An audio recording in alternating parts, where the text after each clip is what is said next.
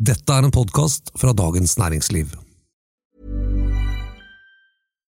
One size fits all seems like a good idea for clothes until you try them on. Same goes for healthcare. That's why United Healthcare offers flexible, budget friendly coverage for medical, vision, dental, and more. Learn more at uh1.com. It's that time of the year. Your vacation is coming up.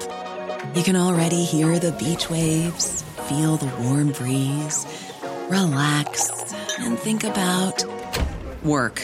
You really, really want it all to work out while you're away. Monday.com gives you and the team that peace of mind. When all work is on one platform and everyone's in sync, things just flow wherever you are. Tap the banner to go to Monday.com. When you make decisions for your company, you look for the no brainers. And if you have a lot of mailing to do, stamps.com is the ultimate no brainer. It streamlines your processes to make your business more efficient, which makes you less busy.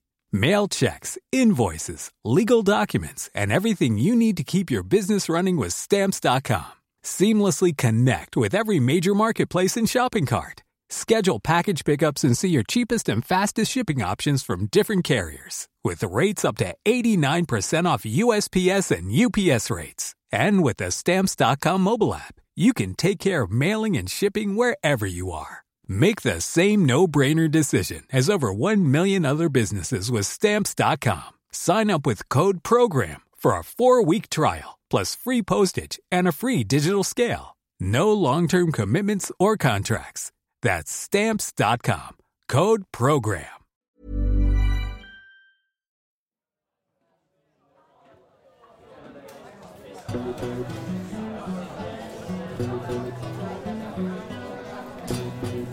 Hei og velkommen til en ny sending i DN-teltet i Arendalsuka. Jeg heter Ola Magnussen Rydje og er politisk reporter i Dagens Næringsliv. Med meg så har jeg kollega Marie Melgaard. Og sammen så har vi fått med oss to av Norges mektigste mennesker på scenen. De begge starta karrieren i toppen av et ungdomsparti. Begge er fra Akershus. Begge har styrt Kunnskapsdepartementet. Begge er nestledere. Men viktigst av alt begge har en 62-åring som står mellom dem og statsministerens kontor.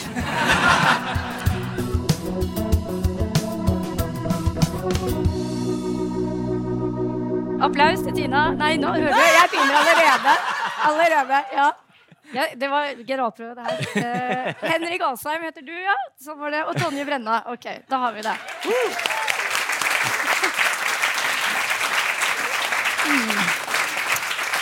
Uh, på forhånd så har vi gitt uh, Tonje og Henrik fritak fra å snakke om politikk-politikk. Istedenfor så skal de få snakke om det som får dem til å holde ut plagsomme støttepartier, Trøndelagsbenken og høringer i kontrollkomiteen. Vi skal snakke om makt, selvfølgelig. Den neste halvtimen skal vi bli litt bedre kjent med de som kan møte i eh, partilederduell om et par år. Det er i hvert fall vår spådom, da. Men vi skal tilbake til 2008.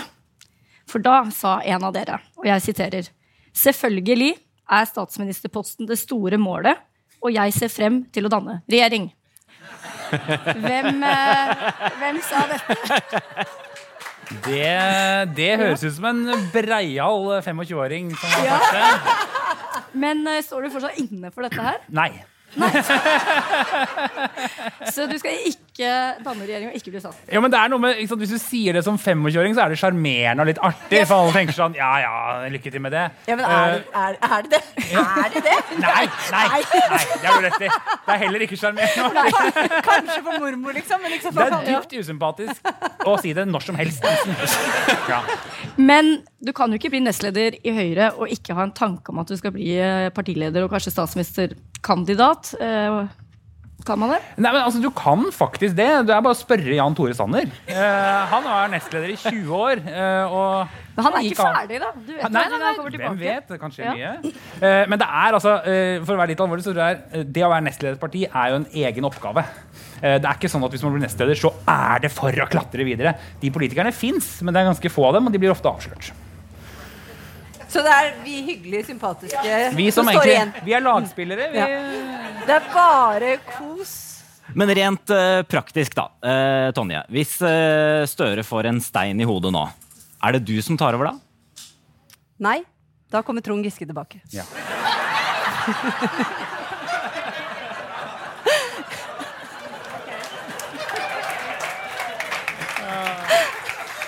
Jeg prøvde å holde, jeg prøvde å holde meg alvorlig.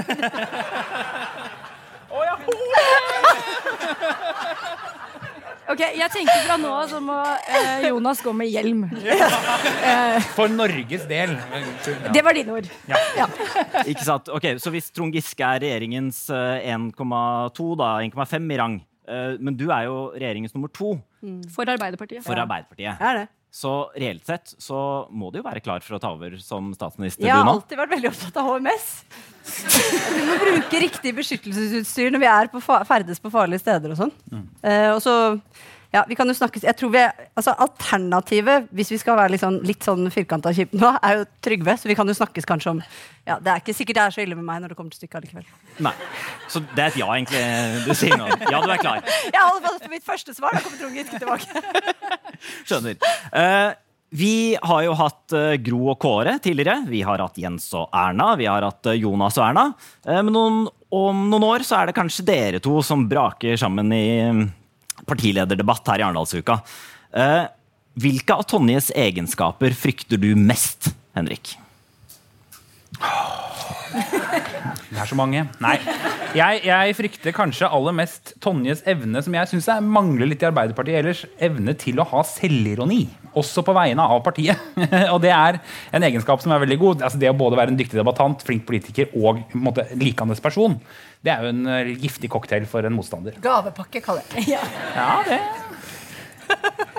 Nå prøver jeg å være hyggelig på Ja, det. men, altså, men, er det sånn- nei, men du, du gjorde noe som litt sånn jeg, Min erfaring er at det skjer oftest blant kvinner som er godt og vel 70, men du, du sa noe slemt på en hyggelig måte. La du merke til det?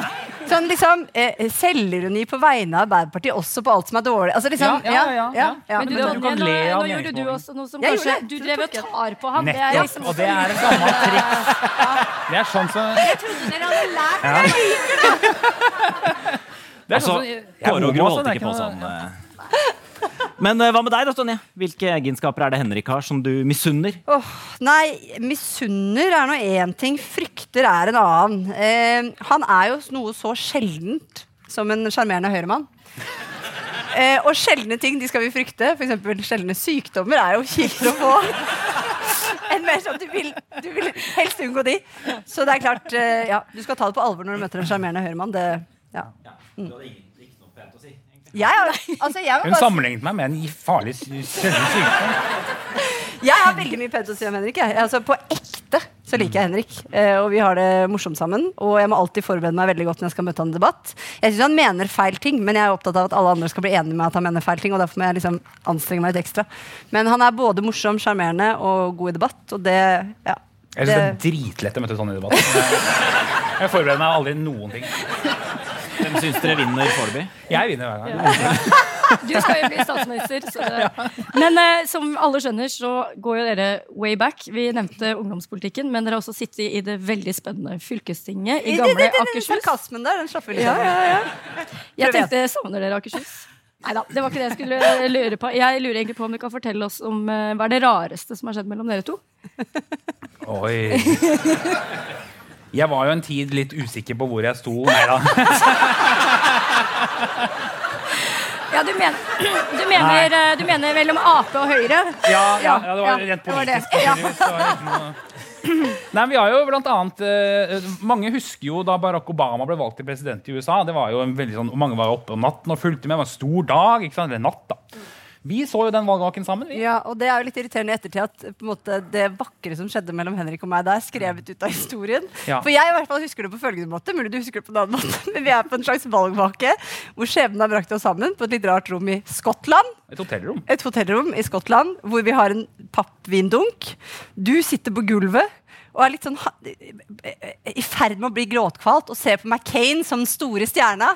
Jeg sitter litt sånn bak, det er nummeret før jeg liksom sitter sånn og bare liksom er Team Obama. Eh, og det var jo ja, Vi er jo fra Akershus. Der er jo Høyre innmari svære, så det var deilig å være på Team Obama den uh, kvelden. Men det er i hvert fall en absurd ting vi har opplevd. Ja. Og den turen ble ikke noe bedre uh, med en middag vi også var på Ja, i løpet av den turen. hvor en kollega av oss fra eh, et eh, stort borgerlig parti, eh, som er en eldre dame, stjal bordpynten. Ja, det var helt og det er veldig overraskende for alle. på en måte. Og det forløp omtrent sånn her. Can I buy this? Det var et juletre på et bord. Mm. Veldig fancy restaurant. Litt for fancy selv for Henrik, tror jeg. Vi sånn, ja, ja. følte oss litt fremmedgjort. Can I buy this? No, no. Can I buy this? No, no. Det er veldig alvorlig. Men eh, hva gjorde dere da? Nei, jeg tror jeg Vi lo oss i hjel. For det var jo kjempegøy at en eldre dame plutselig stjeler et juletre. Og så var det noen som sa eh, Men stjal du den òg? Nei. Nei, hun løy om det. Ja, hun fornekta det fra ende til annen. Og så, og så s- hu- hu- hastet hun ut. Men elevrådslederen i dere fikk ikke lyst til å liksom si ifra, da? Det var jo rektor som knabba ting, så det var litt vanskelig å være Ok. elevrådsleder akkurat da. Jeg skjønner. Ja. Var det der du begynte å se mellom fingrene på ting på regelverket?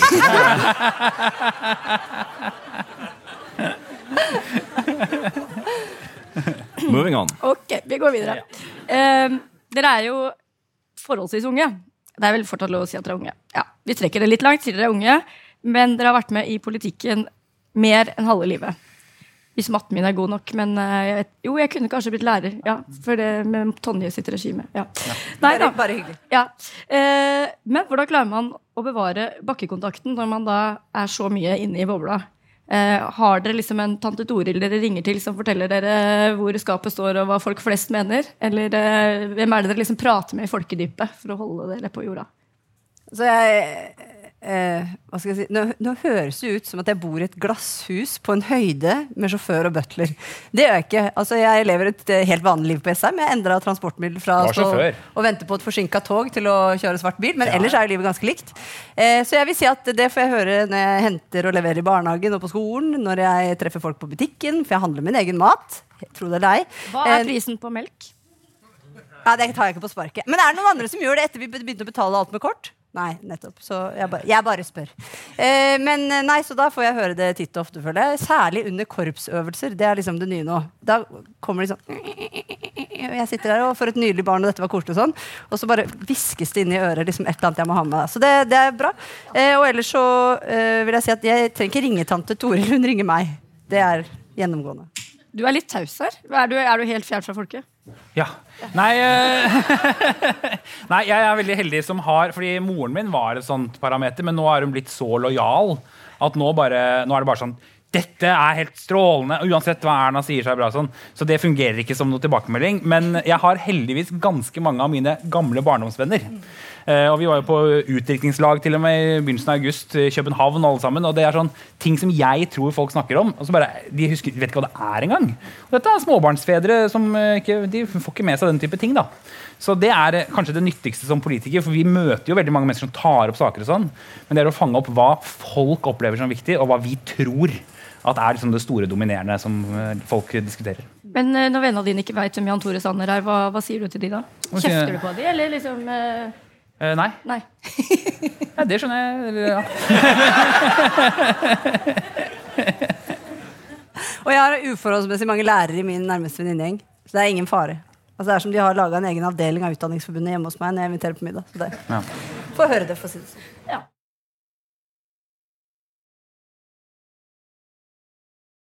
Eh, Henrik, selv om du tidligere i panelet nå sa at, det er, eh, at du var 25 år for ti år siden, Ja. eh, så er jo du nå inne i din siste uke i 30-åra. Du blir Du, du blir kunnskapsminister for Høyre og matte. heller. var- ja. sånn. Men er, hvor, hvor lenge er 2008 siden? Altså, jeg merker meg at du Nei, nei samme.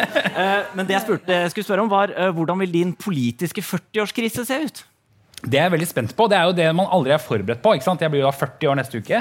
Eh, og 40-årskriser treffer det jo folk, Det er ingen som planlegger 40-årskrisen sin. Da er det ikke en krise.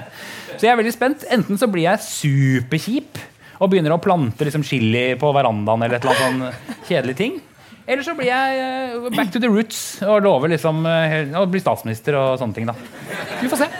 Jeg kommer sikkert til å miste det. hvert fall. Jeg gruer meg veldig til å bli 40. Det verste med det er at du flytter boks når du svarer på Jeg vet undersøkelser. det, det er det verste. Fordi nå er jeg 29 til 39 eller noe sånt. Nå, plutselig så er jeg 40 til 55.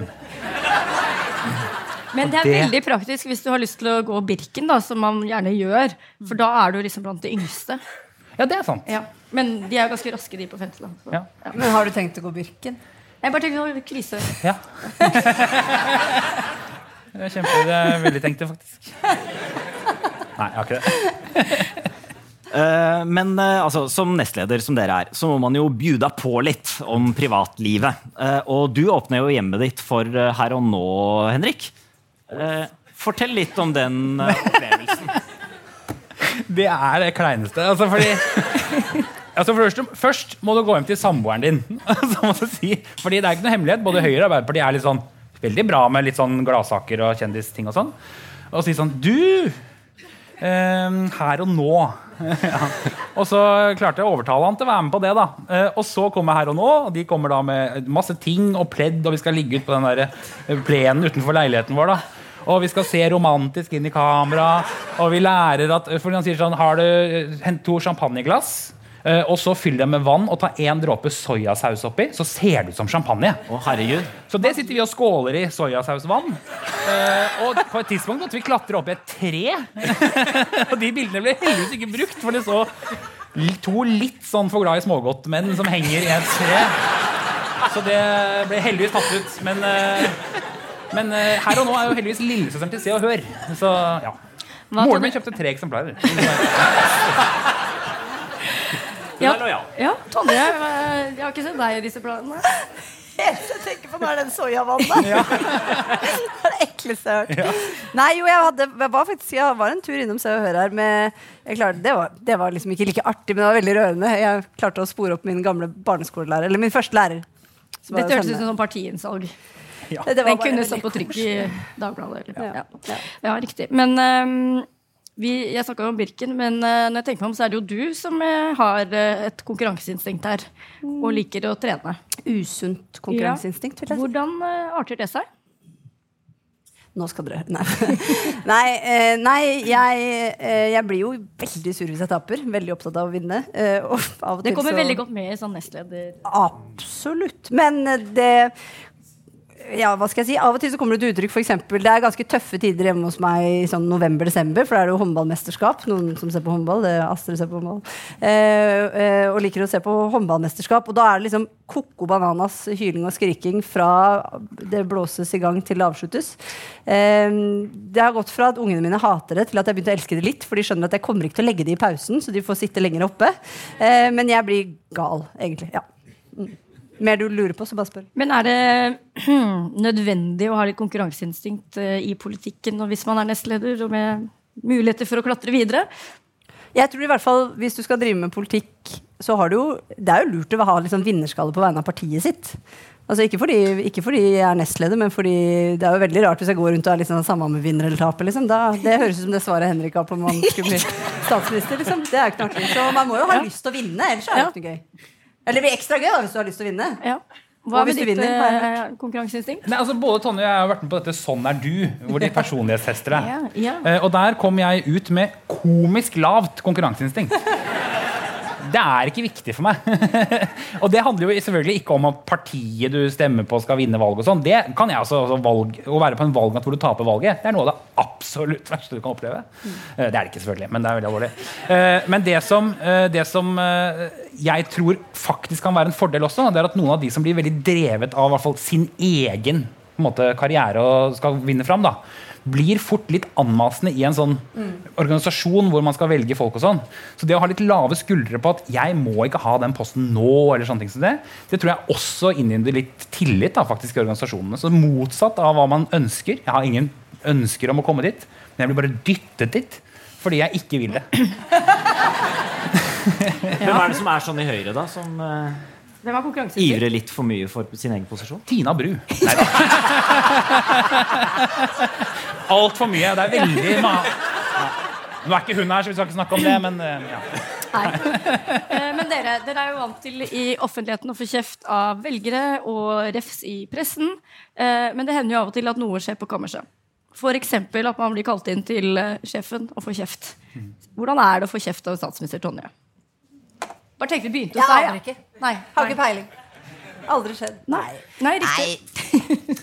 Hvordan det er å få kjeft? Jeg vet ikke. Altså, jeg føler jo ikke at jeg har fått kjeft. Men det er jo kanskje egentlig det verste, når du får litt sånn stille, lavmælt beskjed om noe du vet jævlig godt fra før. Dette var ikke lurt. Nei. Så det er vondt, men det er vel egentlig ofte fordi at det er fortjent. Eh, og så vil jeg jo ikke si at det skjer ofte heller. Det høres ut som jeg fikk kjeft hver uke. Det gjør jeg ikke. Men eh, nei, det er, det er mindre kjefting enn man skal tro. Det er ikke sånn på TV-serier hvor man løper etter hverandre og skjeller hverandre ut. Liksom. Det er veldig rolig. Ja. Hvordan kjefter Erna, Henrik? Eh, hun kjefter ved å først puste ut sånn Og så tar hun armene i kors sånn, og så lener hun seg tilbake, og så lukker hun øynene. Og da vet du at nå kommer ei bøtte. Eh, Men det kommer ikke, altså, det er ikke sånn at hun hever stemmen, eller sånt, men da er det veldig sånn tydelig beskjed da, om at nå gjør vi det sånn og ikke sånn, og jeg vil ikke høre mer om det. Da er det ferdig. Og hvordan føler du deg da? når det Da føler jeg meg som et fire år gammelt barn. Men det som er deilig med Erna, jeg vet ikke hvordan det er med Jonas, men Erna er veldig kortsint. Ja. Hun kan bli sint, og så om, etter 20 minutter så har hun glemt det. Hun har glemt hva han var sur. Altså Av og til så føler jeg at Jonas er så kort, kortsint at han gir en tydelig beskjed, og så når jeg reiser meg opp for å gå, så gjør han sånn her for å si sånn ha det. Og da, Nå kliner han til så er det egentlig sånn. Så ja, det er sant. Det er kanskje for kort. Jeg klarer ikke å oppføre meg. Nå har vi snakket om sjefene, hvordan de da kanskje oppfører seg som ledere. Men eh, ja, vi skal snakke jo om dere, og vi er jo Dagens Næringsliv. Så jeg må jo spørre, hva er din lederfilosofi? Spør du meg? Jeg spør deg. Eh, dette har jeg tenkt mye på. Så jeg svarer eh, som jeg gjør når jeg snakker med barn. Eh, om ledelse og det å være snill. Vær grei med nerdene, de blir sjefen din. Og du? Eh, Min ledelsesfilosofi er først og fremst å erkjenne at du ikke kan alt selv. Altså Jeg tror veldig på at hvis man skal lede en gruppe eller noe sånt, og si dette må noen hjelpe meg med, for dette skjønner jeg ikke noe av. eh, Det er både noe som er selvfølgelig helt menneskelig, ingen forventning at du skal være sånn supermenneske, men noen ledere blir redde for å vise den type svakhet, og så lukker de seg på en måte inne og blir veldig sinte hvis noen kritiserer noe. For eksempel. så det å tydelig liksom lage en stemning for at jeg kan ikke alt, dere kan ikke alt, nå er vel sånn vi sitter rundt bordet, kan vi, hvordan kan vi gjøre dette best Jeg fikk ikke den lappen Ja, om at dere skulle hva, ha et ordentlig skulle svar nå. Jeg skulle til å si Du må seriøst Jeg- Jeg skrev til dere svar kort og morsomt. Så her vil jeg si terningkast seks til Tonje, og så får du en ener. Men hvem vil, var- men hvem vil du ha som statsminister? Skal jeg- Det er hemmelig valg! Men uh, dere, ledelsen i Arbeiderpartiet og Høyre er jo nå forbløffende like. Vi har vært innom denne 62-åringen på toppen som har erfaringen og kunnskapen. Men begge partier har jaggu en nestleder fra Vestlandet med en veldig uklar rogalandsdialekt som elsker kraft og vindmøller. Altså det, nå snakker vi om Tina Bru, da. Som, ja. Og uh, selvfølgelig da Jan Christian Vestre. Og så har vi dere to, da. De folkelige alibiene fra Viken. Hvorfor ler du av det? Ja. Har dere nå liksom stjålet hverandres klær her, og hvem i så fall er det som kler disse klærne best? Altså, jeg tenker jo, det, Dere prøver å fremstille oss som helt like, men det er jo ikke sånn at vi Fullfører hverandres setninger. skulle tatt seg ut.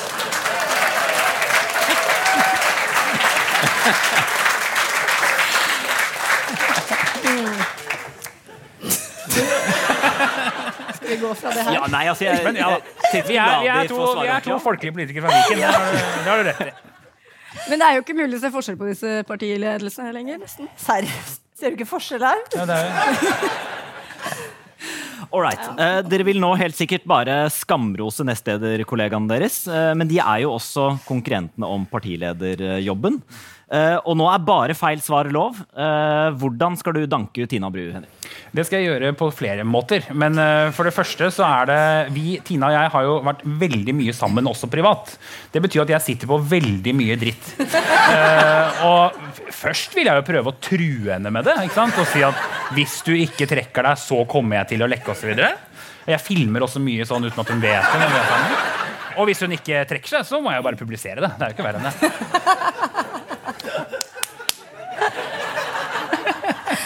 Men eh, maktkamp det er jo noe Arbeiderpartiet kan eh, mye om. Det vet vi jo godt. Eh, hvordan vil en maktkamp se ut mellom deg og Jan Christian Tonje?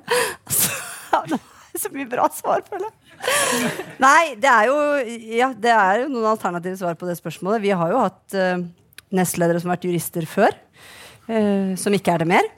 Eh, jeg kunne gått veien om at jeg er veldig glad i han og syns han er strålende. Det, det skal jeg ikke gjøre. Men det jeg tror jeg har kommet til at må være strategien, det er jo at nå driver vi med sånn milliardsatsing på havvind. Jan Kristian er jo teknologioptimist, veldig opptatt av å kutte utslipp og skape jobber og alt det her. Så jeg tror det som kommer til å skje, er at det øyeblikket vi setter opp en vindmølle, så kommer Jan Kristian til å reise dit, ta med seg et stort entourage, eh, møte opp, følge med fra liksom de støper og setter opp og liksom bare all in. Og når de setter i pluggen og den begynner å gå rundt, så kommer han bare til å stå sånn. Og siden tror jeg rett og slett ingen har sett ham. Så jeg tror det løser seg selv.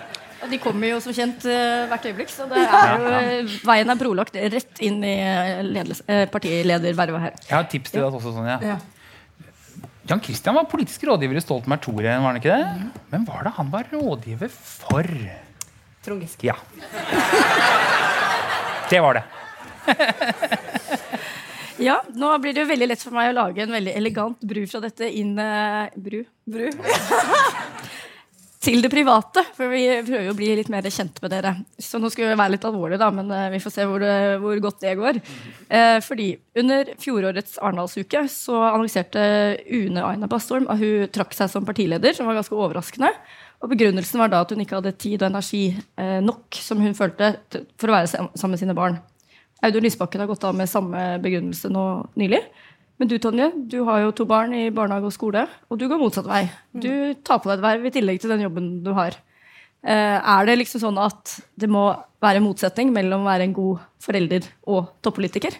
Det er mye bra svar lagra her nå etter eh, mange ukers eh, stengte skoler og lang sommerferie. Ja. Eh, Knytta til det å ha lyst eller ikke lyst til å være mer hjemme. Men jeg, altså, eh, eh, jeg tror alle foreldre på en eller annen måte føler på et tidspress ved at man er borte. Søstera mi er sykepleier. Hun eh, får henta færre dager i barnehagen i uka enn meg. Liksom, så det tror jeg er helt universelt.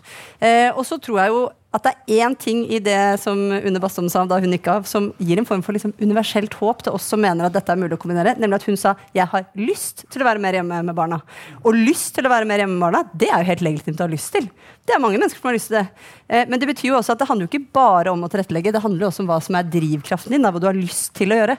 Eh, og jeg har veldig lyst til å være her med dere. Eh, og være på Arendalsuka og ikke følge barnet mitt til skolen i morgen på første skoledag. Men, men det er jo den lysten som til syvende og sist, til syvende og sist avgjør, da. Om du orker å prøve å finne balansen eller ikke. Liksom, hvor dårlig kan man tillate seg å være som forelder da, for å få dette til å dårlig, gå? vil jeg si. Eller, Det vil si, veldig mye av det vi tror er viktig som forelder, og sånn, eh, er jo vi voksne som har konstruert. Jeg har aldri hørt noen oppsummere barndommen med å si det var utrolig nært og trygt hjemme. Jeg følte meg elsket, men var altfor møkkete på gulvet. Altså, det er ingen som sier det. Eh, så veldig mange ting har jo vi voksne funnet på, liksom. Eh, eller at mamma alltid må være den eneste som er nær. Eller? Det er mange sånne ting vi tenker at bare må være sånn, da. Så liksom godta litt rot og støv, ikke alltid nødvendigvis ha kontroll på ting, og tenk at det er veldig bra om bestemor er like nærme som foreldrene. Så tenker jeg at man kommer et stykke, da. Jeg noterer. Ja. I, nå i sommer så kommer jo nyheten at du skal skilles. Eh, og vi driver jo med hypotetiske scenarioer her. Så i et hypotetisk scenario hvor du blir partileder, kanskje statsminister, kan det da la seg forene med at man har delt ansvar for barn? Altså, I dette hypotetiske scenarioet har jeg ikke draget å skaffe meg en ny kjæreste til det. Ja, jeg ser Altså, jeg bare stiller Ja. et hypotetisk spørsmål tilbake. I en hypotetisk nå- scenario tror du jeg klarer å holde meg singel. Nei da. Men uh, ja. Nei. Jeg ser en VG-overskrift om sånn der uh, kvinnehat i DN-teltet. Ja. Med bilde av meg her nå. Jeg merker det. Uh, så jeg tenker vi bare uh, Vi går over til deg, vi, Henrik. Går over på homohat i stedet. Ja. Vi- Litt mer homohets, vær så snill. Ja. Nei, det, det vi, vi kommer ikke til det, men vi skal uh, Vi hører jo hva Tonje sier om å kombinere toppolitikk og barn, da, Henrik. Og du har jo fått deg en samboer. Uh, Ønsker du deg barn? Ja, egentlig. Eh, og det er, sånn, det er litt rart når man eh, er homofil, så er det på en måte en annen prosess. Eh, det er ikke sånn at man bare bestemmer seg for sånn Skal vi prøve å få barn? Eller vi kan jo Kan jo prøve, men det jo et, vil jo være et, et julemirakel. Ja. Men, eh, men, eh, men ikke sant? Så det er noe annet. Man må på en måte sette seg ned veldig og bestemme seg, og så kan det være lang prosess. Og jeg har flere vennepar som er homofile, som også har opplevd både opp- og nedturer med den typen prosesser. da. Så er jo vi veldig heldige begge to, for vi har både nevøer og nieser, masse barn rundt oss. Så, så vi har vel ikke landet det konkret, men vi er 40 år, da. Det liksom, ja. Men jeg har løsningene. Vi Ja. bare slår oss sammen. Det har vært helt Hvis jeg kan ha tredelt omsorg, så er jo Ja. ingenting et problem. Enig sånn hos deg, enig hos pappa. Hippiekollektiv på 70-tallet. Liksom. Altså, det var jo en uh, tidligere nestleder i Arbeiderpartiet som var gift med en høyremann. Og god var vel det Det var jo ikke det jeg foreslo, da. Det var barnepass. Det, Du kan ha delt omsorg for meg! All right. uh, Henrik, uh, om du skulle bli statsminister, så vil du også være den første homofile statsministeren i Norge. Og i en tid der hvor hets mot homofile på nett øker, flere EU-land strammer inn lovgivning mot homofile, eh, tror du Norge er klar for en homofil statsminister? ja, det tror jeg definitivt. Eh, Og jeg tror, jeg tror for helt ærlig Norge har vært klar for det i mange mange, mange år.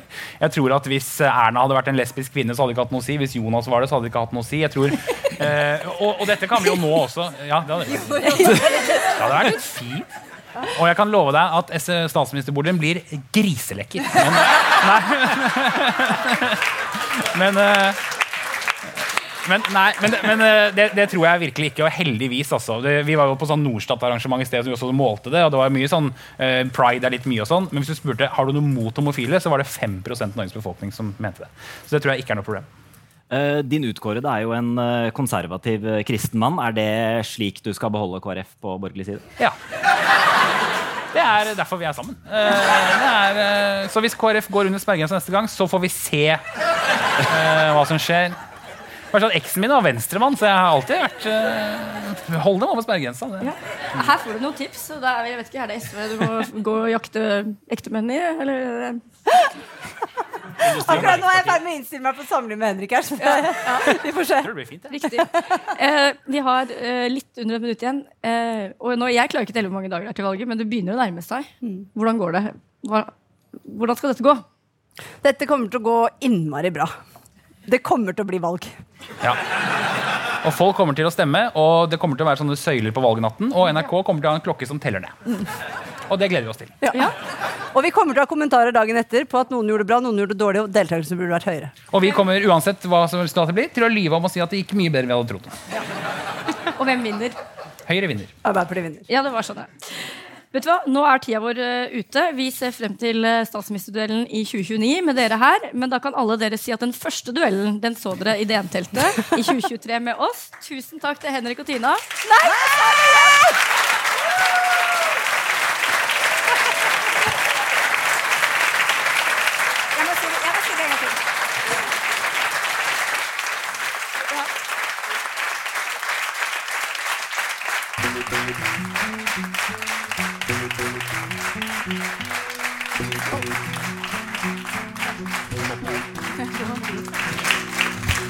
si, jeg vet at du heter Tonje, men dere har sånn podkast. Det er for enkelt, liksom. Det blir for, nei, eller for vanskelig.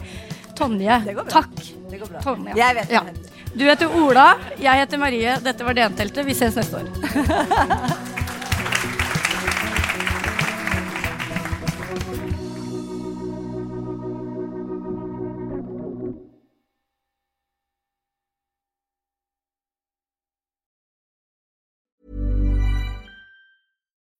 When you need mealtime inspiration, it's worth shopping Kroger, where you'll find over 30,000 mouthwatering choices that excite your inner foodie. And no matter what tasty choice you make, you'll enjoy our everyday low prices, plus extra ways to save, like digital coupons worth over $600 each week. You can also save up to $1 off per gallon at the pump with fuel points. More savings and more inspiring flavors make shopping Kroger worth it every time. Kroger, fresh for everyone. Fuel restrictions apply.